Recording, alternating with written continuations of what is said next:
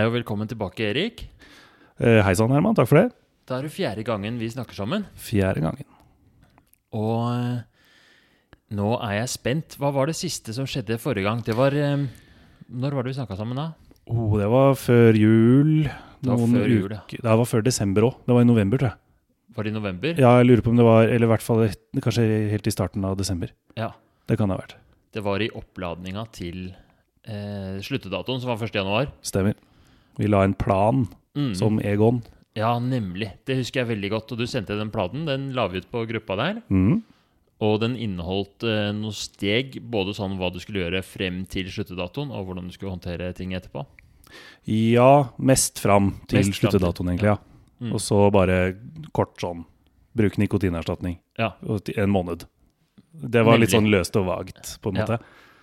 Og så var det sånn i tilfelle det, eh, Så det var kanskje snakk om sånn røykesluttkurs i tilfelle. Det stemmer. Og så var det snakk om uh, time hos fastlegen og sånt noe. Det stemmer. Nå er jeg spent. Få høre. Hva har eh, skjedd? Hvordan har det gått?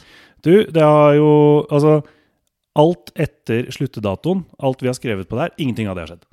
Ok. Overhodet. Men det har gått veldig bra. Ja. Så jeg er helt røykfri. Har ikke endte opp med å ikke bruke noe. Har uåpna pakke med nikotintyggis hjemme. ja. For jeg var Jeg kjente bare ikke noe behov for det. Det var liksom ikke det jeg trengte for å dekke behovet. Og så lot jeg jo bare viljestyrken styre det i stedet, da.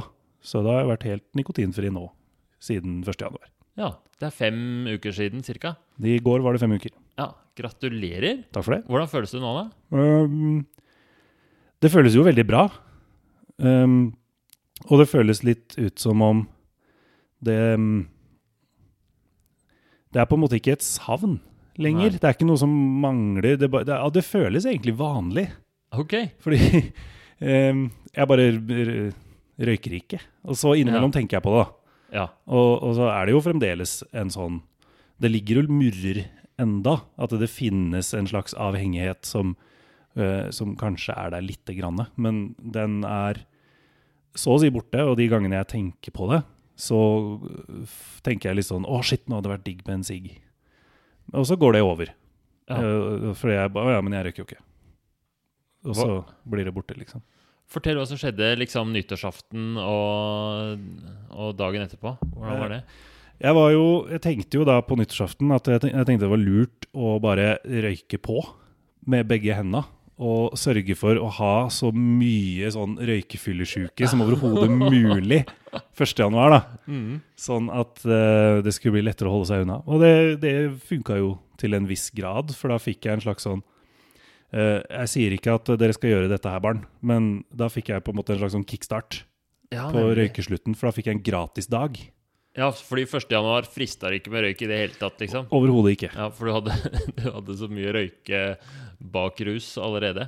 Og det er jo sånn, I ettertid når jeg tenker over det, så er det alltid den verste røyken. Når du er, en, når du er ordentlig avhengig og er en røyker, da er det den fyllesyke siggen.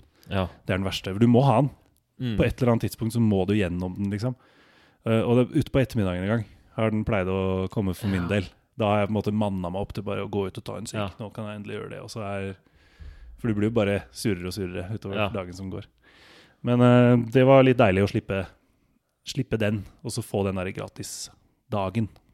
Så kult. Har du, du sier du blir surere og surere. Hvordan har du, har du vært sur? Ja. Det har uh, min samboer slutta, hun òg. Ja. Uh, og hun kutta ut snusen i tillegg, for hun tenkte bare faen heller. Mm. Nå, vi, nå gjør vi det ordentlig, liksom. Uh, og det, vi har vært irritable, ja. Eh, det er det liten tvil om. Så det har vært veldig sånn kort vei mellom komme hjem fra jobb og til potensielt bli være dritsur. Ok. Hvordan har dere håndtert det? Eller hvordan har dere løst det? Uh, ved å uh, ikke være så mye sammen. Å ja. Så dere har liksom vært tatt uh, Kjørt og, og bearbeidet sinnet litt sånn i trygge rammer solo? Ja, altså um, Hva skal man si? Vi har jo, så, vi har jo vært sammen. Det er jo Mm. ikke det, på en måte. Vi har jo pratet sammen, og det har jo fungert fint. Stort sett. Så det har ikke vært noe kjempeproblem. Men vi merker at det er, liksom, det er litt lettere fra, før man blir irritert på den andre. Ja, nemlig. Og så blir det liksom Da er det lettest å bare gå. Okay. Og så gi det ti minutter, liksom. Ja. Så er det over. Og så kommer du tilbake, og så blir du bare sånn Sorry. du, du veit. Ja. Så uh, hun har vært veldig flink til å la meg være i fred. Ja, nemlig. eh, og så har jeg prøvd å gjøre det samme for henne. Ja. Hvor lenge har det Er det fortsatt uh, sånn irritable Har det gått over, eller hvordan? Gått over for min del, i hvert fall. Ja. Det har det. Eh, og jeg har inntrykk av at det har det for hennes del òg. Men det er klart skal gi opp snusen i tillegg viser seg å være litt vanskeligere. Ja, ja, ja, det kan jeg tenke meg. Så, Er det en Og ikke noe tilbakefall på henne heller? Nei. Så kult. Det er jo eh, spennende. Hva mm, Var det noe spesielt eh, du eller dere gjorde før, eh, før 1. januar? Altså i oppladningen? Du skaffa deg røyketyggis og sånn. Mm. Um, du skulle hatt, det var på planen å ha en sånn samtale med en kollega. Det gjorde jeg Ja, det gjorde jeg vel før vi snakka sammen sist òg, faktisk. Oh, ja. Det var bare for å også Og hun sa jo på en måte det samme som alle vet, da. At du må bare Du må ha lyst til det, liksom. Du må ha, det må finnes en motivasjon og en Mm. årsak, nesten. Du trenger en grunn, Ja. egentlig, til å slutte å røyke. Og den grunnen er jo altså, Det er alltid en grunn til å slutte å røyke, Fordi da får du kanskje ikke kreft. Ja. Det, så Mm. den fins jo alltid, men man må ha, nesten ha en mer sånn konkret ja. grunn, da. Ja, du må i hvert fall ha uh, connecta med den grunnen. Mm. Hvordan, um, hvis vi liksom ser på hele historien at Du hadde røyka siden du var, var det 14-15, Ja, noe i den duren. og i ca. 20 år hadde du røyka. Stemmer det? Og så hadde du tenkt en del på det og gjort et forsøk sånn tidligere, da vi hadde vår første samtale. Og gjennom de, kanskje de to første samtalene så kom du fram til at du virkelig hadde lyst til å slutte å røyke. Og la den planen 1.1., og nå har du kommet ganske langt, da. Det har vært en reise. Har du noen sånne tanker om hvordan du skal gjøre det framover? Hvordan du skal vedlikeholde din eh, nikotinfrie tilværelse? Nei, eller ja og nei. Nei, jeg har ikke egentlig noen sånne konkrete tanker om det, men det er litt fordi det går så bra. Og så har jeg en sånn Det, det eneste konkrete jeg har tenkt om det, er at jeg har en sånn Jeg tester ut de ulike røykesituasjonene. Mm. For eh, det, det har jeg lært om meg sjæl, at eh, jeg er en situasjonsbestemt vanemenneske. Så når jeg, jeg møter igjen en røykesituasjon, så klarer jeg å motstå å gå og kjøpe sigg. Og så for neste gang jeg møter den situasjonen, så går det gradvis bedre og bedre. da. Eh, Men noen situasjoner er jeg jo såpass sjelden i at det fremdeles jeg har noen igjen til gode Ja, ja, å teste. da. ja. Så For eksempel julaften. Eh, julaften, eksempel, den tror jeg kommer til å gå fint. Ja. Den har jeg sterk tro på. Men utepilsen, for eksempel, Utepilsen, ja. den blir vanskelig. Den ser den du Ja. Så det, hvordan forbereder du deg til det, da? Uh, ikke noe spesielt annet enn at jeg er klar over det, på en måte. Jeg Ja. vet at nå skal jeg inn i en uh, røykesituasjon som Ja. jeg uh, ikke har, eh, har vært ikke-røyker i enda, for å si det på den måten. da. Det var veldig lurt å, å frame det sånn. Og, eller bare det å innse at det er flere situasjoner igjen, og på en måte mentalt forberede seg litt bare ved å liksom vite at utepilsen kommer. Mm.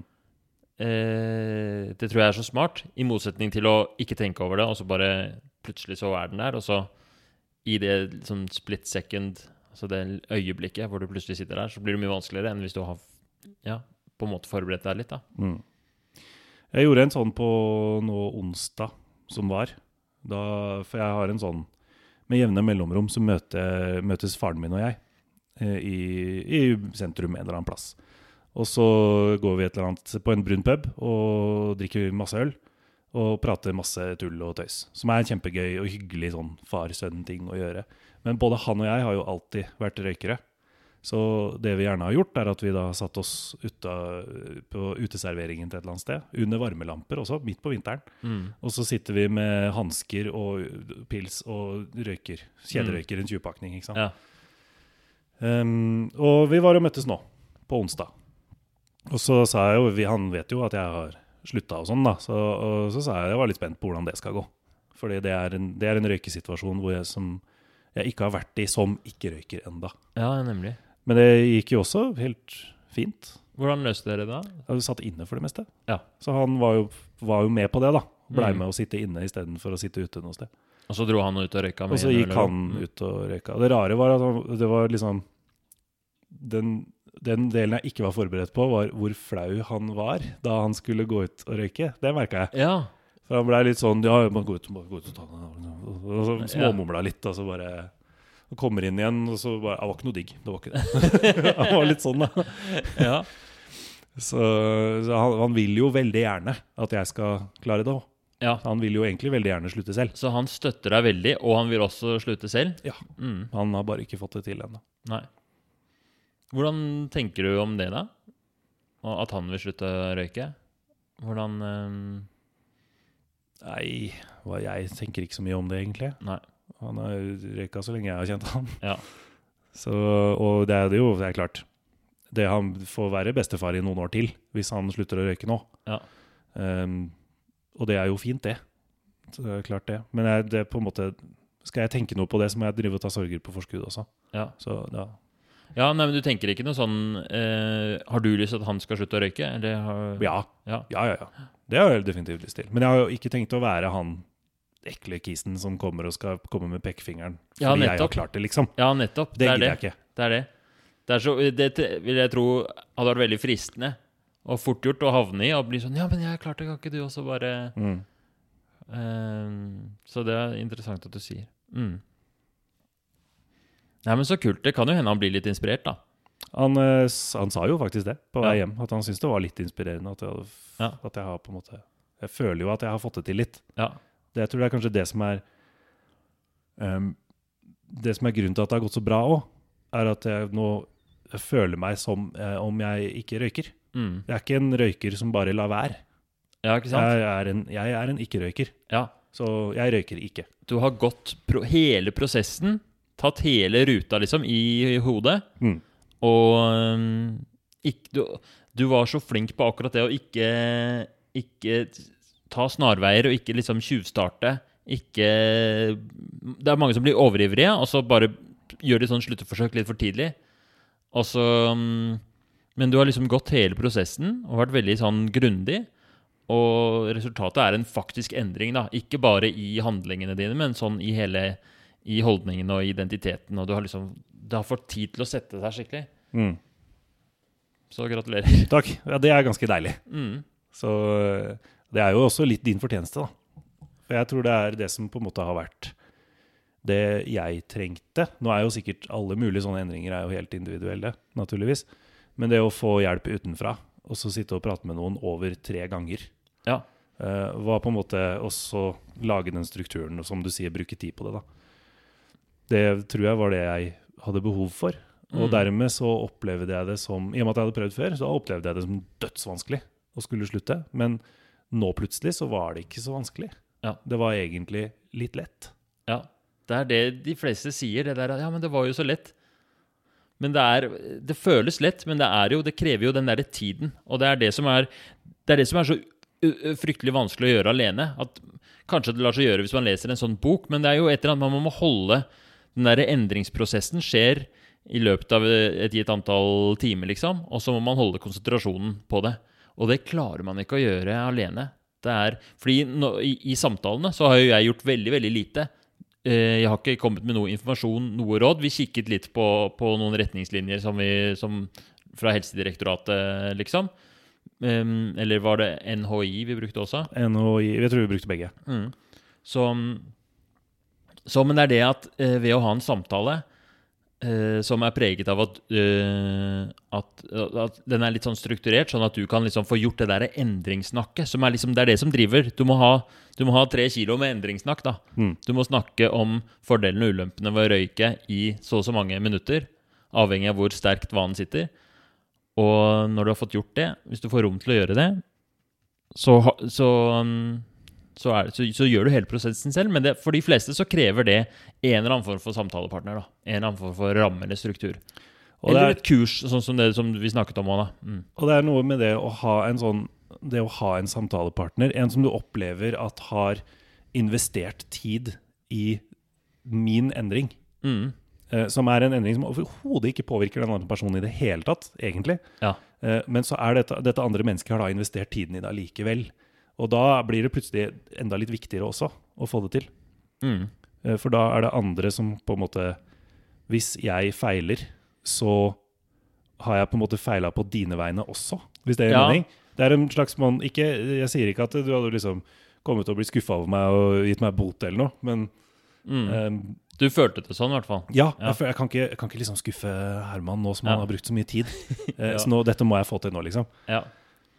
Og det var på en måte Det, det hjelper jo, det òg. Det hjelper jo kanskje, det òg. Er- akkurat den effekten der er jeg veldig forsiktig med å øh, Å skape, fordi den kan slå imot også. At den kan skape motstand. Så um, jeg tror det er viktig for i hvert fall eh, eh, folk som jobber på um, frisklivssentraler og sånt, og jobber med røykeslutt, gjør jo det veldig klart at Og det tror jeg er lurt, at uh, du må gjøre det fordi du har lyst til det. Det er samme for meg. Og hvis du røyker videre, eh, hvis pasientene røyker videre, så er det helt greit, liksom. Eh, hvis du har lyst til å endre på noe annet enn det som er eh, i gåsetegn sunt og fornuftig, så er det også helt greit. Det er, og det er lovlig å røyke i Norge, liksom. Men ehm, fordi hvis man skaper for mye press utenfra, og det presset på en måte overskygger den indre motivasjonen, eller liksom inspirasjonen, Mm. det som er drevet av verdier, og hvem er jeg, liksom, så, eh, så, så skje, det, skal det mye til for at det skjer endring. Så den, den må være først og fremst viktigst. Men så lenge den er veldig tydelig og skarp, den derre 'jeg vil dette pga. alle de grunnene', så lenge det kommer fram, så hjelper det. Så kan man jo benytte seg av litt ytre motivasjon også. Man kan jo si at den ytre motivasjonen på, blir på en måte slags Den del av, blir del av den indre motivasjonen. da. Det var i hvert fall sånn det var for meg. Mm. Så, for jeg hadde jo allerede en indre motivasjon om at jeg ville gjerne slutte, fordi det begynte å gå utover det daglige livet, liksom. Mm. Um, og så kan man da ilegge ytre motivasjon, sånn som du sier. Og så tror jeg du har noe, du er, jeg tror også du har helt rett når du sier at det blir ytre motivasjonen høyere enn den indre, så skjærer det seg gjerne. Um, men hvis den kan på en måte supplere den indre, sånn som Ja. den har gjort i mitt tilfelle, da, Ja. så er jo det bare bra. Ja. ja, for det, det er et eller annet den derre- der skillet mellom indre motivasjon, ytre motivasjon, eh, det er litt sånn tricky. Så, men jeg tror det er et veldig godt poeng du har der. Um, uh, et sånt som spørsmål som vi snakket jo en del om i de forrige intervjuene, og som um, er veldig grunnleggende for uh, alt som heter motivasjon og endring, det er jo hva, er, hva som er viktig for deg. Og hva, hva er grunnene til at du uh, vil slutte å røyke? Skal vi gå bare gjennom de Eller bruke litt tid på de nå? Bare forsterke det fortsatt? Bare sånn siden vi er her, liksom, og det er en del av prosessen? Dette er det avsluttende, avsluttende samtalen? Det kan vi godt. Det kan, det har, eh, når jeg tenker over det nå, så lurer jeg på til og med om det kanskje har endra seg litt òg. Ja, det er interessant. Faktisk. I hvert fall i vektlegging Ja, av hva som er viktig. få høre. Eh, for jeg har jo jeg har lasta ned Slutta-appen. Eh, og, og den har jo den har vært en sånn Jeg mener å huske jeg nevnte i en av de tidligere episodene at den kan være et Vegas-sverd, ennå. For hvis du ikke får det til, så må du drive og resette den. Mm. Og så ser du bare gang på gang. Ja. Hver gang du setter den på null, så får Ja. du et veldig tydelig bilde på at du ikke har fått til noe. da. Men hvis du får det til, så er den jo gull verdt i å opprettholde motivasjonen. Mm. For det er eh, Nå har ikke jeg sett på den i dag, men vi har passert eh, 3500 kroner, tror jeg, Ja. i sparte midler. Passert 500 sigaretter. Oi.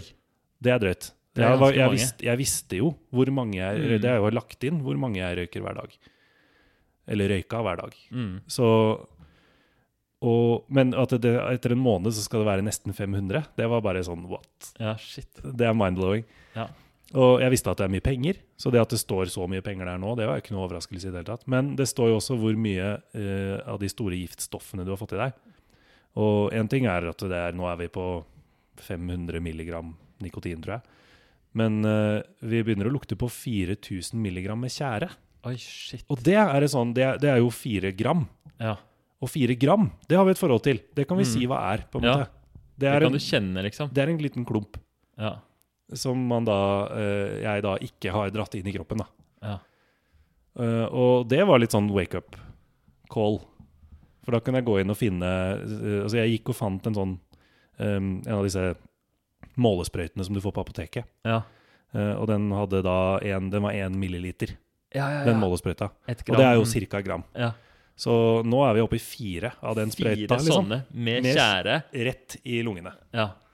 Og da plutselig blei det Oi, ok, dette er helt OK å ikke gjøre. Fordi de tingene der var ikke så viktige for deg før du slutta. Tenker jo ikke over det. ikke sant? Nei.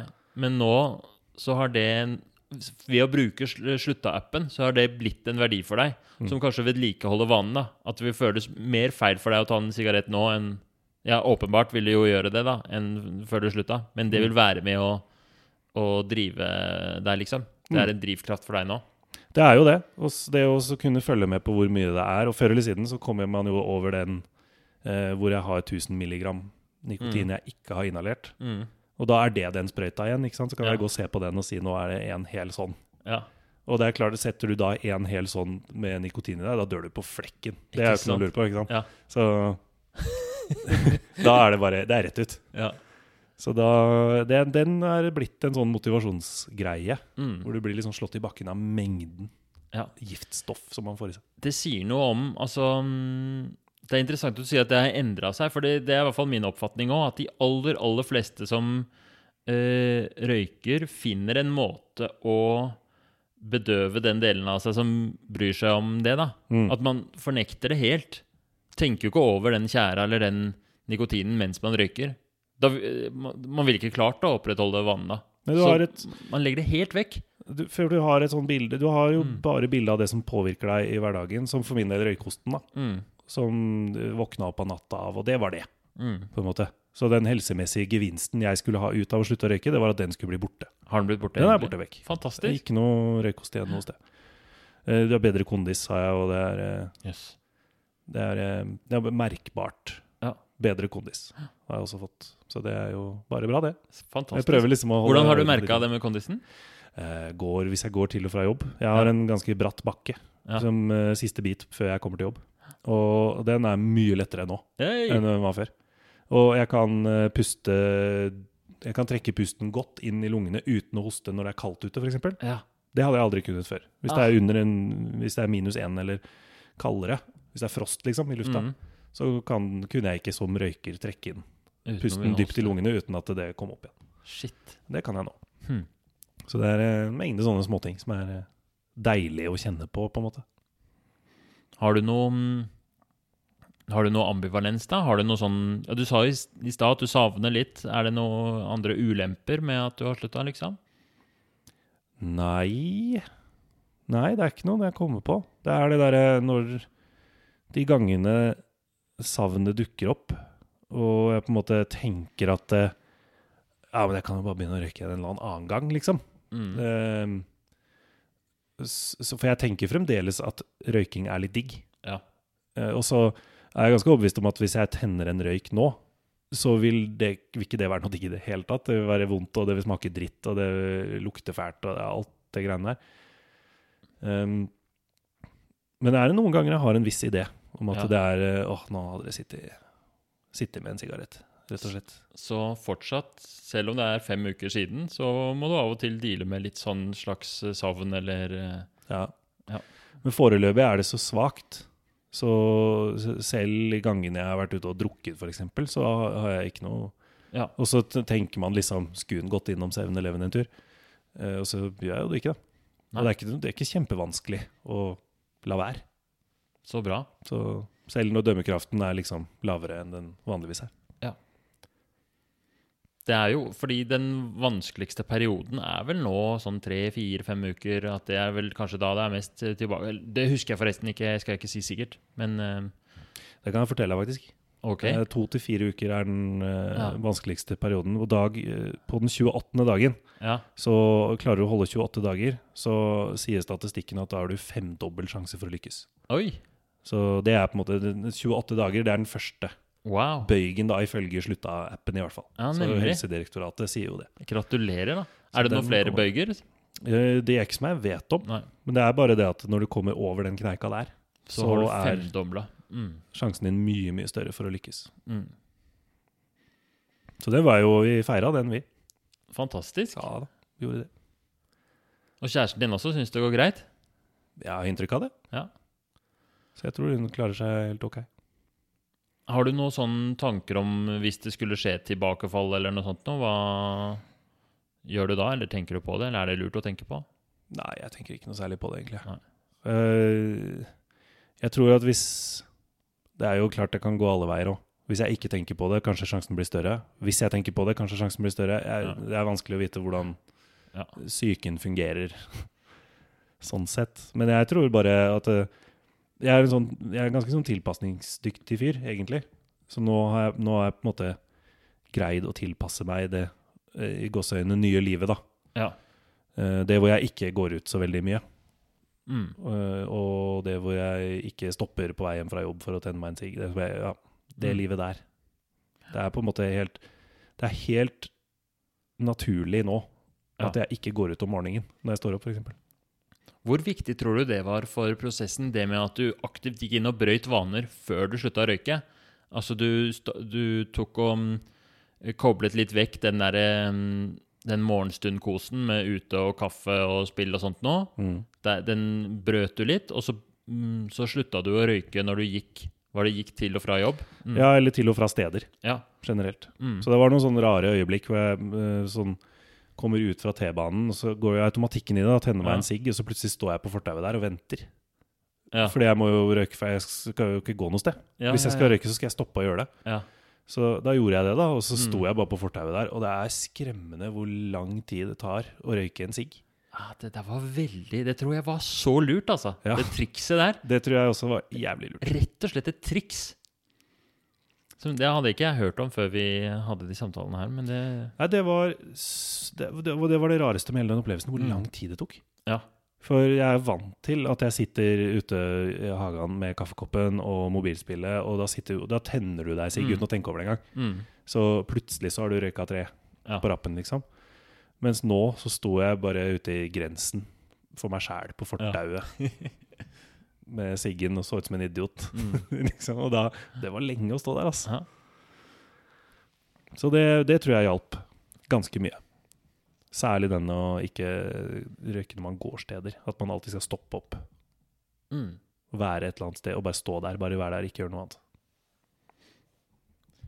En ting som, eh, som vi brukte litt eh, eh, konkret i et av de tidligere intervjuene for å skape motivasjon, eller for å bygge opp under motivasjonen, det var at vi fokuserte på mestringstilliten. Fordi på et tidspunkt, jeg husker ikke helt eh, hva jeg spurte deg om, men vi snakket om hvor viktig det var for deg å, å slutte å røyke, og det var veldig høyt. Og så var det sånn, hvor stor tro har du på at du kommer til å klare det? Og på et tidspunkt så var den litt sånn Jeg husker ikke om, om vi satte noe tall på det eller noe sånt nå. Jo, vi satte vel tall på det hver gang, tror jeg. Ja. Og den gikk gradvis oppover for hver gang vi prata. Så i starten så var den veldig lav. I starten var den veldig lav. Ja. Og eh, så mestringstillit det, man, kan jo ha, man har mestringstillit for spesifikke ting, sånn som i dette tilfellet. Og så har man også en litt sånn generell mestringstillit, eller det er litt sånn der hvor, øh, hvor troa har man på at man kan endre seg, egentlig.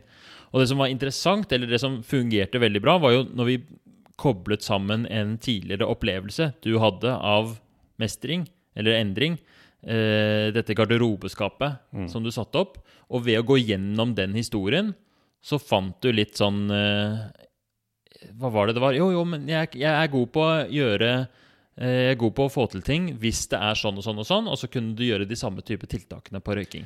Mener det var eh, si, arbeidsoppgaver i så konkret forstand som mulig. Ja? Eller så konkrete arbeidsoppgaver som mulig. Med en gang arbeidsoppgavene blir konkrete, og visse ting kanskje kan, Det som kan delegeres, er delegert, og sånt noe. Og det å gå gjennom I hvert fall det er teorien eh, sånn psykologisk, da. Er at hvis man går gjennom mestringshistorier, så vil det ofte gi mestringstillit der og da, og øke motivasjonen.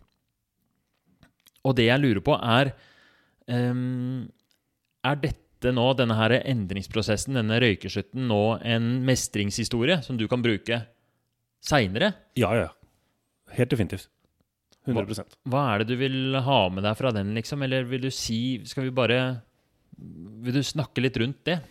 Det er, det, ehm, det er vel eh, det at ehm, Det å kunne endre perspektivet på det, tror jeg. Fordi det er det jeg alltid har slitt med. Mm. Um, for jeg, nå har vi på et halvt år så har jeg gått fra å være en fyr som sier jeg kommer aldri til å slutte å røyke, elsker sigaretter. Det er det beste jeg veit. Det, det skjer ikke. Det er bare Jeg kommer til å røyke til jeg dør. Ja. Til å være helt fri av det, liksom. Det gikk helt fint. Mm. Ja, og så er jeg nå 100 røykfri. Jeg Ja. røyker ikke, jeg ikke røyker. Jeg, jeg har ikke lyst til å røyke. Jeg kommer ikke til å røyke. Mm. Jeg har litt lyst til å røyke. Noen ganger. Jeg har det, Ja. faktisk. Det må jeg være lov å si. Men, eh, Det er lov men det, er, det er liksom Jeg trenger ikke. Ja. Så jeg tror kanskje det er det viktigste. At det går an å vri hodet så Mm. uh, brutalt, nærmest. Ja. Så 180 grader. Det at du har opplevd det og klart det og gjennomført det, liksom, hva betyr det for deg? Hmm. Det har jo ganske stor betydning, egentlig. For det er jo Det er jo som Altså, når faren min kommer og sier at det er inspirerende, liksom, så vet jeg jo at det da påvirker det andres liv. Um, så i, hvis vi skal dra strikken veldig langt, da, så har, nå har jeg slutta, så kanskje da får foreldra mine inspirasjonen sin til å slutte. Og så kan eh, mine nieser få ha besteforeldrene sine i Mm. noen år til. Fordi plutselig så har jo disse for, Hvis du fortsetter å røyke, så har du jo plutselig lungekreft i morgen. Ja. Og det er jo sånn det funker. Så hvis vi drar strikken veldig veldig langt, så har det jo masse å si. Fordi det påvirker folk rundt meg. Eh, Men for min egen del så Så er jeg ikke 100% sikker, egentlig. Det var liksom sånn Jeg tror bare hele greia har vært en litt sånn rar opplevelse, for det har vært en så stor ting. Og så brøt vi det ned til en slags konkretisert plan. Ja. Og så fulgte vi bare den planen. Og så gikk det helt fint, og så var det ikke så stort. Ja. Det var bare en liten greie, liksom. ja, det er veldig kul lærdom det at en stor greie som kan virke umulig, og virke som en sånn Ja, men det er jo den jeg er, brytes ned til konkrete oppgaver. Akkurat som det var garderobeskap-metoden, liksom. Brytes ned til konkrete oppgaver, og så er det plutselig gjennomførbart. Og det er jo veldig kult det du sier om at, at du, det kanskje virker Det har jo allerede vært inspirerende på samboeren din. Dere har jo gjort det her til et felles prosjekt. For så vidt. Nå er jo Inspirasjonen kommer nok mest fra hennes side, tror jeg, først. Ja. da. Sånn at hvis man skal ha et slags sånn inspirasjonsregnskap, så, så, vin, så vinner jo hun, for så vidt. Ja. Men hun blei jo med på det, da. Det var, dere var i hvert fall samarbeida. Det er Det er ingen tvil om. Mm. Nei, det er kult at eh, For man veit jo aldri hva slags eh, endringsprosesser eh, det kan Altså, det å Én ting er å slutte å røyke, det fører masse bra med seg. Men eh, det at du nå i tillegg har liksom eh, Når man har gjort Det er kanskje fordelen med å ha røykt, da, er at man har gått gjennom røykesluttprosessen og innsett hvor, eh, hva man kan få til, og på en måte økt sin endringskompetanse. Ja. Um, så ja. Da hadde vi et lite poeng på det òg. Endringskompetanse. Det er begrepet det kjente jeg likte litt. Ja, likte du ikke det? Jo, det er jo, jeg tenker jo ikke over det som en, eh, som en ferdighet man kan ha. Men Nei. det er jo klart at det er jo det. Evnen til å endre seg er jo som alt annet. Det er en ferdighet du kan trene på og bli god på. Så hvis du eh, Jeg tror det å ha vært gjennom en røykeslutt kan gjøre det lettere f.eks. hvis man I hvert fall hvis man klarer å trekke de trådene. La oss si du skal eh, si en endring. Hva, hva skulle det vært? Liksom? Eh, Bli, begynne å trene. Begynne å trene, da. Ja, bedre form. Typisk eksempel. Og det ser man jo ofte òg, at, at, at sånne endringer bygger jo ofte på hverandre. Og mm, nå som du har gjort Nå kan du, du kan på en måte eh, bruke oppskriften som du har gjort nå, på hvis du en gang skal begynne å trene. Og da er det nettopp de tingene som har lyktes her, da, er jo vært at du har gjort det eh, grundig, i fred og ro. Du har tatt i bruk hjelp, du har samarbeida, og du har konkretisert det. Og så har du jo Altså eh, Visse forskjeller vil det jo alltid være, men, men, eh, men det som gjør at folk sliter med å slutte å røyke og sliter med å begynne å trene, er at de har ikke endringskompetanse. Det vil si at de, de får ikke de, de tar snarveier og, og Ok, det er 1. januar, da må jeg begynne å trene. Og så går de på treningsstudio og pumper ræva av seg i 90 minutter og ødelegger kroppen sin, og så er de støle i en uke, og så var det Da slutta vi med det, liksom. Nettopp. Og det er Man kan i hvert fall trekke mye eh, sammenhenger mellom det, da. Mm. Mm. Og så er det noe med det at det er på en måte Uh, eh, jeg tenker også at det er en slags sånn nå, Dette gjelder jo kanskje mest røykeslutt, men også andre avhengigheter heller, da, enn å f.eks. dra og trene og sånn. Men, eh, men jeg tror også det går på at eh, det er litt usikkerhet involvert.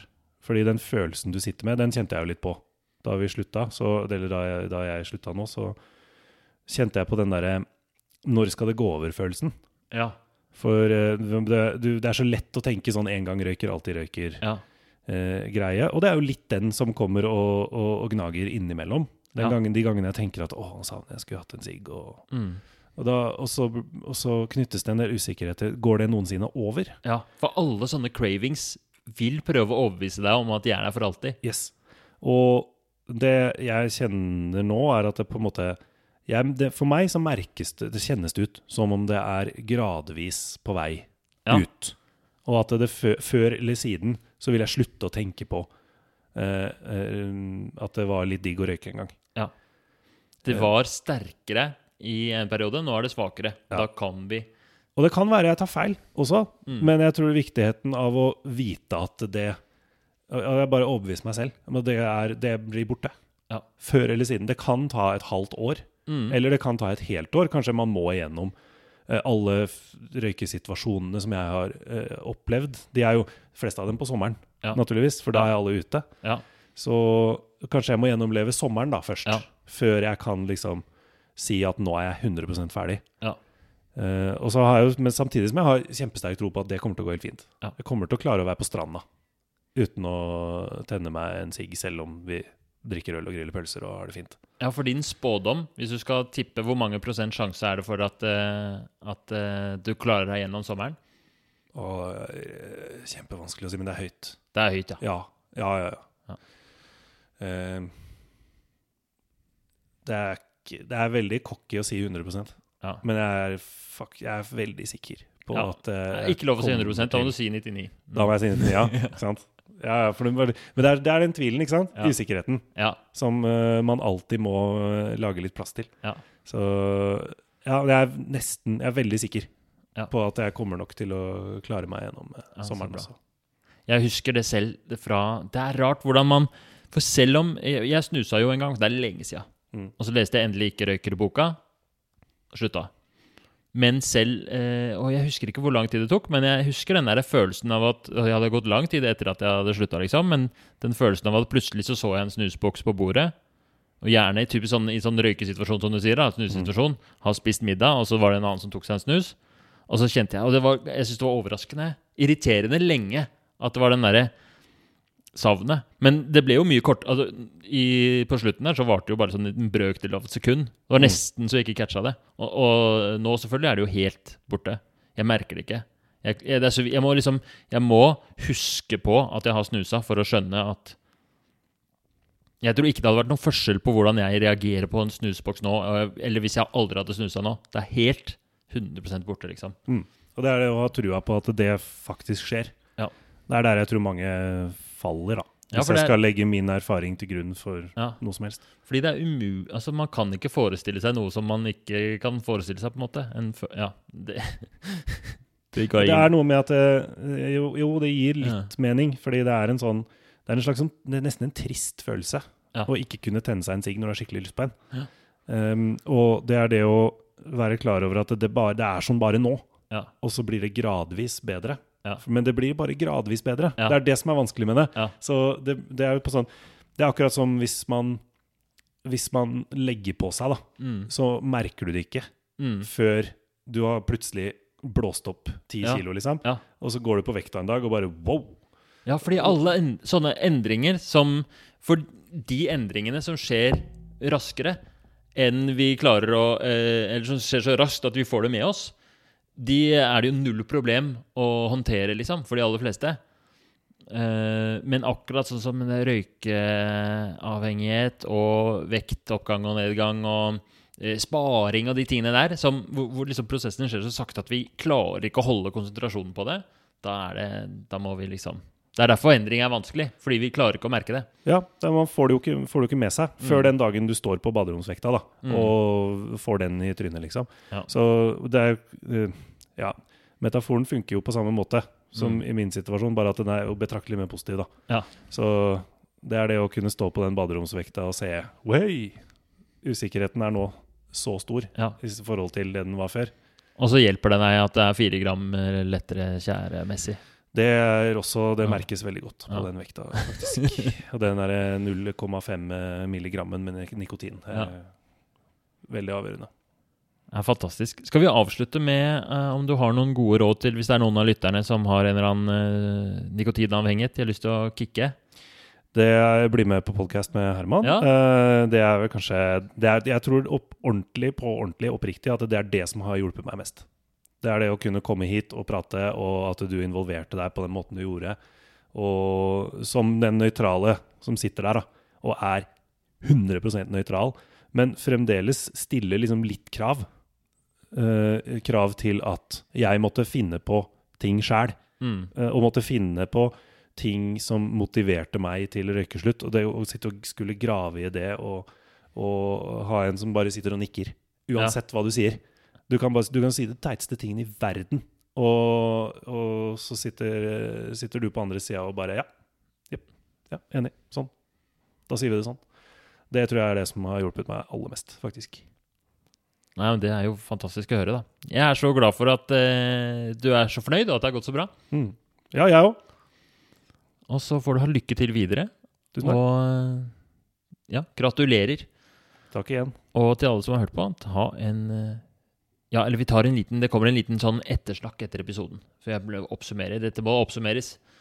Men eh, jeg vil si tusen takk til deg òg for at du har vært med. Og det er jo eh, eh, Det er jo akkurat det, da. At eh, stille krav, sa du. Det er veldig krevende å um, både bruke all den tiden, åpne seg, være sårbar. Du kunne jo kommet hit og så havna på radio, og så kunne du ikke klart det. Og så hadde det vært en, eh, en eh, flause, på en måte, eller en, en fiasko. Mm. Men eh, Så det har vært veldig eh, modig å stille opp, og jeg tror det bidrar til veldig mange som eh, hører på, at de har blitt latt seg inspirere, de òg. Akkurat som du har merka at folk rundt deg har blitt litt inspirert av.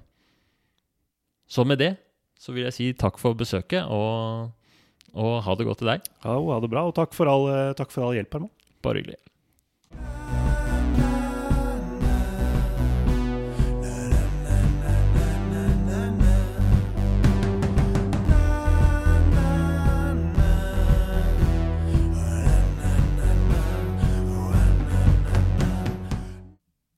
Sånn, da har Erik forlatt studio, og vi er ferdig med denne fire episoder lange reisen som det har vært, og geleide han gjennom endringsprosessen, eller geleide han gjennom røykeslutt.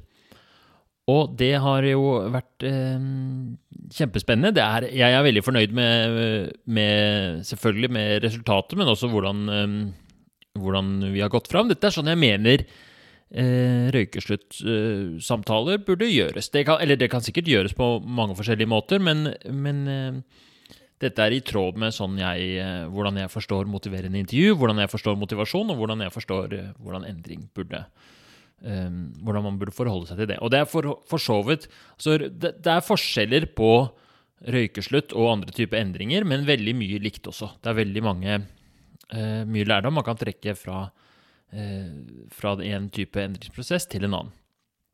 Det som er spesielt for røykeslutt, er jo det at liksom, du går fra å eh, det, det går ikke an å liksom gradvis eh, Eller det å gradvis skalere ned røyk, røyking, f.eks., viser seg å ikke være eh, så hensiktsmessig som, eh, som Eller det skal jeg ikke si for sikkert, men i hvert fall røykeslutt er spesielt av den grunn at, eh, at eh, det som, her er det viktig å sette seg en dato, og, og mm, man kan bruke forskjellige medikamenter for å, å substituere. Og, og man ender opp med en sånn derre Veldig sånn aldri mer-tankegang. Fordi med en gang du slutter å røyke, så begynner jo det å forsterke seg selv, liksom. Sånn som det gjør hos Erik. At plutselig så ser han i større og større grad at shit, det her, var, det her skal jeg aldri begynne med igjen. Man blir ofte, De som slutter å røyke, blir jo ofte veldig flinke til å, å Eller veldig sånn forkjempere for at andre også skal slutte. At eh, eh, Ja, det er en ganske sånn eh, Og han beskrev det jo veldig fint, Erik også, at det er en stor sånn identitetsskift. At man går fra å være en bastant røyker, jeg skal røyke for alltid, til å bli en bastant ikke-røyker, jeg skal aldri gjøre det igjen. Det som jeg tenker er det mest eh, nyttige å ta med seg fra disse fire episodene, det er konseptet endringssnakk. Eller det er, det er, mye man kan dra ut av det, men akkurat endringssnakk det er i hvert fall det jeg har lyst til å snakke om nå. da. Fordi det er det kapittelet jeg driver og ja, For de som ikke vet det, jeg skriver en bok om endring for tiden. Den, og mm, et av de viktige kapitlene i den boka det handler om endringssnakk. Hva det er, hvordan vi kan bruke det, hvordan det virker, og liksom hvilken rolle det spiller i endring. Fordi når man gjør forskning på mm, på f.eks. motiverende intervju, så prøver man å finne ut av hva er det egentlig i det motiverende intervjuet som gjør at pasientene gjør den endringen de gjør da. Og da f.eks. har de sett et studie hvor de så på um, alkoholikere, eller um, og, og, analyserte de motiverende intervjuene. Um, og så på hva var det som gjorde at alkoholikerne eventuelt drakk mindre etterpå. Og det man fant, var at jo mer endringssnakk um, terapeuten klarte å fremprovosere, liksom, trigge, jo mindre, vil, mindre alkohol vil, uh, vil, pasientene drikke i etterkant. Så det var en helt sånn tydelig sammenheng mellom endringssnakket og, en, og faktisk uh, resultater, da. Og endringssnakk, det er jo alt det som er liksom svaret på hva er fordelene for deg hvis du slutter akkurat de spørsmålene, når vi stiller de spørsmålene i ambivalensfirkanten, de som følger veldig godt med, veit hva det er. Det er altså basically de fire spørsmålene. Hva er fordelene, og hva er ulempene med å forbli sånn som du er? Hva er fordelene og ulempene ved å gjøre en endring? Og svarene der er basically endringssnakk. Du har både sånn positiv endringssnakk, altså sånn som når han sier 'jeg vil gjerne slutte å røyke, fordi da får jeg ikke røykehoste. Men så er det også det negative. Altså Hvis jeg slutter å røyke, så kommer jeg sikkert til å savne det. Jeg kommer til å bli irritabel. Og Alt det der er endringssnakk, og jo mer man får eh, fremprovosert av det, jo større sjanse er det for at endringen skjer. Og det bruker jeg for å liksom informere hvordan jeg skal gjøre og motivere en intervju. da. Jeg ser for meg at vi har en Altså, jeg sa det litt tøysete i stad, at jeg vil ha så og så mange liter med endringssnakk, liksom. Jeg ser for meg at vi må fylle opp en kvote så mange minutter som mulig hvor han, um, hvor han prater om endring. Og jeg syns det er ganske tydelig av disse fire episodene her, hvordan det skjer, er at, eh, at jo mer han prater, jo, så skjer det sakte, men sikkert en endring. Og så har det jo også noe å si at det går tid mellom, da, ikke sant? at dette får liksom landa og satt seg. Og på et eller annet tidspunkt så er det bare sånn Ja, men nå er det jo helt åpenbart for meg Han sa det så fint i, i forrige episode, tror jeg det var, at Nei, jeg følte jeg følte vi hadde snakka nok, nå må jeg bare få satt i gang, liksom. Og det syns jeg ofte jeg hører ganske ofte, at de sånn Nei, nå måtte jeg bare gjøre det fordi jeg var litt lei av å prate om det. Og fordi det som ofte skjer hvis man, hvis man, prøver å endre uten å gjøre nok endringssnakk, hvis man er litt utålmodig og prøver å gjøre endringen for tidlig, det er da man ofte kommer opp i uforutsette situasjoner, eller plutselig så kommer man fram til at ah, ja, men det var, jo, det var jo en viktig grunn for meg for å ikke endre. Jeg hadde jo glemt hvor digg det var å røyke etter eh, sammen med utepils, f.eks. Og så går man på en smell, da. Men ved å snakke seg gjennom alt sammen først, så, så skjer, det, skjer endringen med større sannsynlighet. Det som jeg også tenker er viktig, er at én ting er hvor mange minutter med endringssnakk, men det har jo også litt å si hva det endringssnakket inneholder.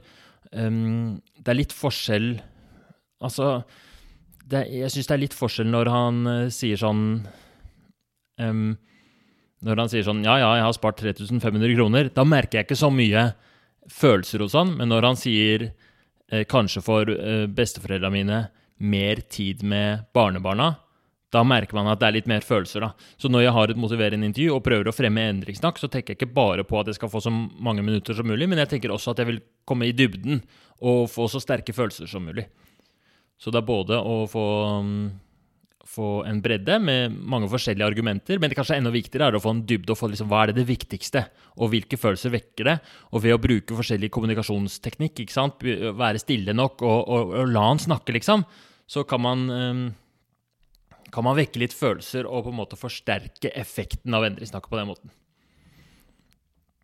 Så eh, denne episoden er et eh, slår et slag for endringssnakk. Hvis eh, du har lyst til å gjøre en eh, endring i livet ditt, så vil jeg anbefale deg å prøve å få snakket om den endringen med noen. Og eh, det å ha en annen person å henvende seg til som hører, til, som hører etter, liksom, det gjør at du holder konsentrasjon. Det gjør at du må forklare deg. Du må liksom Det blir en måte, en måte å snakke på hvor du, hvor du, må tenke litt, da. Jeg bruker jo, eh, altså Etter at jeg lærte om endringssnakk, så har jeg jo brukt det masse i mitt eget liv. At jeg har eh, møter med forskjellige kompiser, og vi diskuterer tempa, temaer som, liksom, som jeg jobber med. da. Og så får jeg masse ut av det. Det går også an å gjøre i gåsetegn motiverende intervju på seg sjæl. Eh, man kan prøve det og sette opp en sånn ambivalensfirkant og skrive dagbok, liksom, eller skrive, eh, skrive det ut, eller snakke inn i Jeg snakker av og til inn i diktafonappen på mobilen, liksom. Og det har en viss effekt, det òg, men det er mm, Det er, det er light-versjonen. Det beste er å snakke med noen. Og selvfølgelig det krever jo igjen at den personen klarer å holde tilbake Nå kommer det et nytt begrep fra motiverende intervjuteknikken, liksom. Korrigeringsrefleksen sin. Fordi eh, det som er ulempen ved å snakke med folk, er at folk blir ivrige, og så begynner de å gi deg råd. Og da, stopper, da er det ikke endringssnakk, ikke sant? Så vi må, øh, vi må Den samtalepartneren burde helst være, sånn som Erik sa, en som er nøytral, en som klarer å holde tilbake litt, og som klarer å eh, stille deg spørsmål istedenfor å gi råd. Men eh, det er altså, som sagt, rådet mitt Hvis du har en eller annen endring du skal gjøre, om det er å gå ned i vekt eller trene mer eller eh, bli flinkere på, på å selge strømavtaler på telefonsalgjobben din, liksom, og, ha, og, og, og klare å, fasilitere samtaler rundt det, sånn at du får kommet med endringssnakk, det er en liksom, hovednøkkel til endring. All. Det ble litt sånn freestyling fra meg her på slutten, men jeg håper du har satt pris på episoden. Uh, dette her er et hobbyprosjekt, og, og dere som hører på dere, det, altså det, Jeg kan ikke reklamere eller noe sånt nå. Dere har fått høre om den episoden enten ved at uh, noen har anbefalt deg den, eller at du har kommet over den på iTunes fordi den har blitt uh, rangert og rata og, og, sånt, og kommet opp i algoritmene der. Så gjerne Gjerne gjør det samme videre, liksom, hvis du har hatt glede av det. Så, så om du vil rangere den eller anbefale den til en kompis, så er, setter jeg kjempepris på det. Og så gjerne send meg eh, kommentarer eller meldinger eller noe sånt. Nå. Er, jeg føler at vi er på en reise her nå hvor det vi skal uh, få til, det er å øke endringskompetansen til folk. Fordi vi veit det at uh, Det lærte jeg på medisinstudiet òg. Lærte for det første at så mange av sykdommene, så mye av lidelsen, kan forebygges helt eller delvis ved å endre levevaner.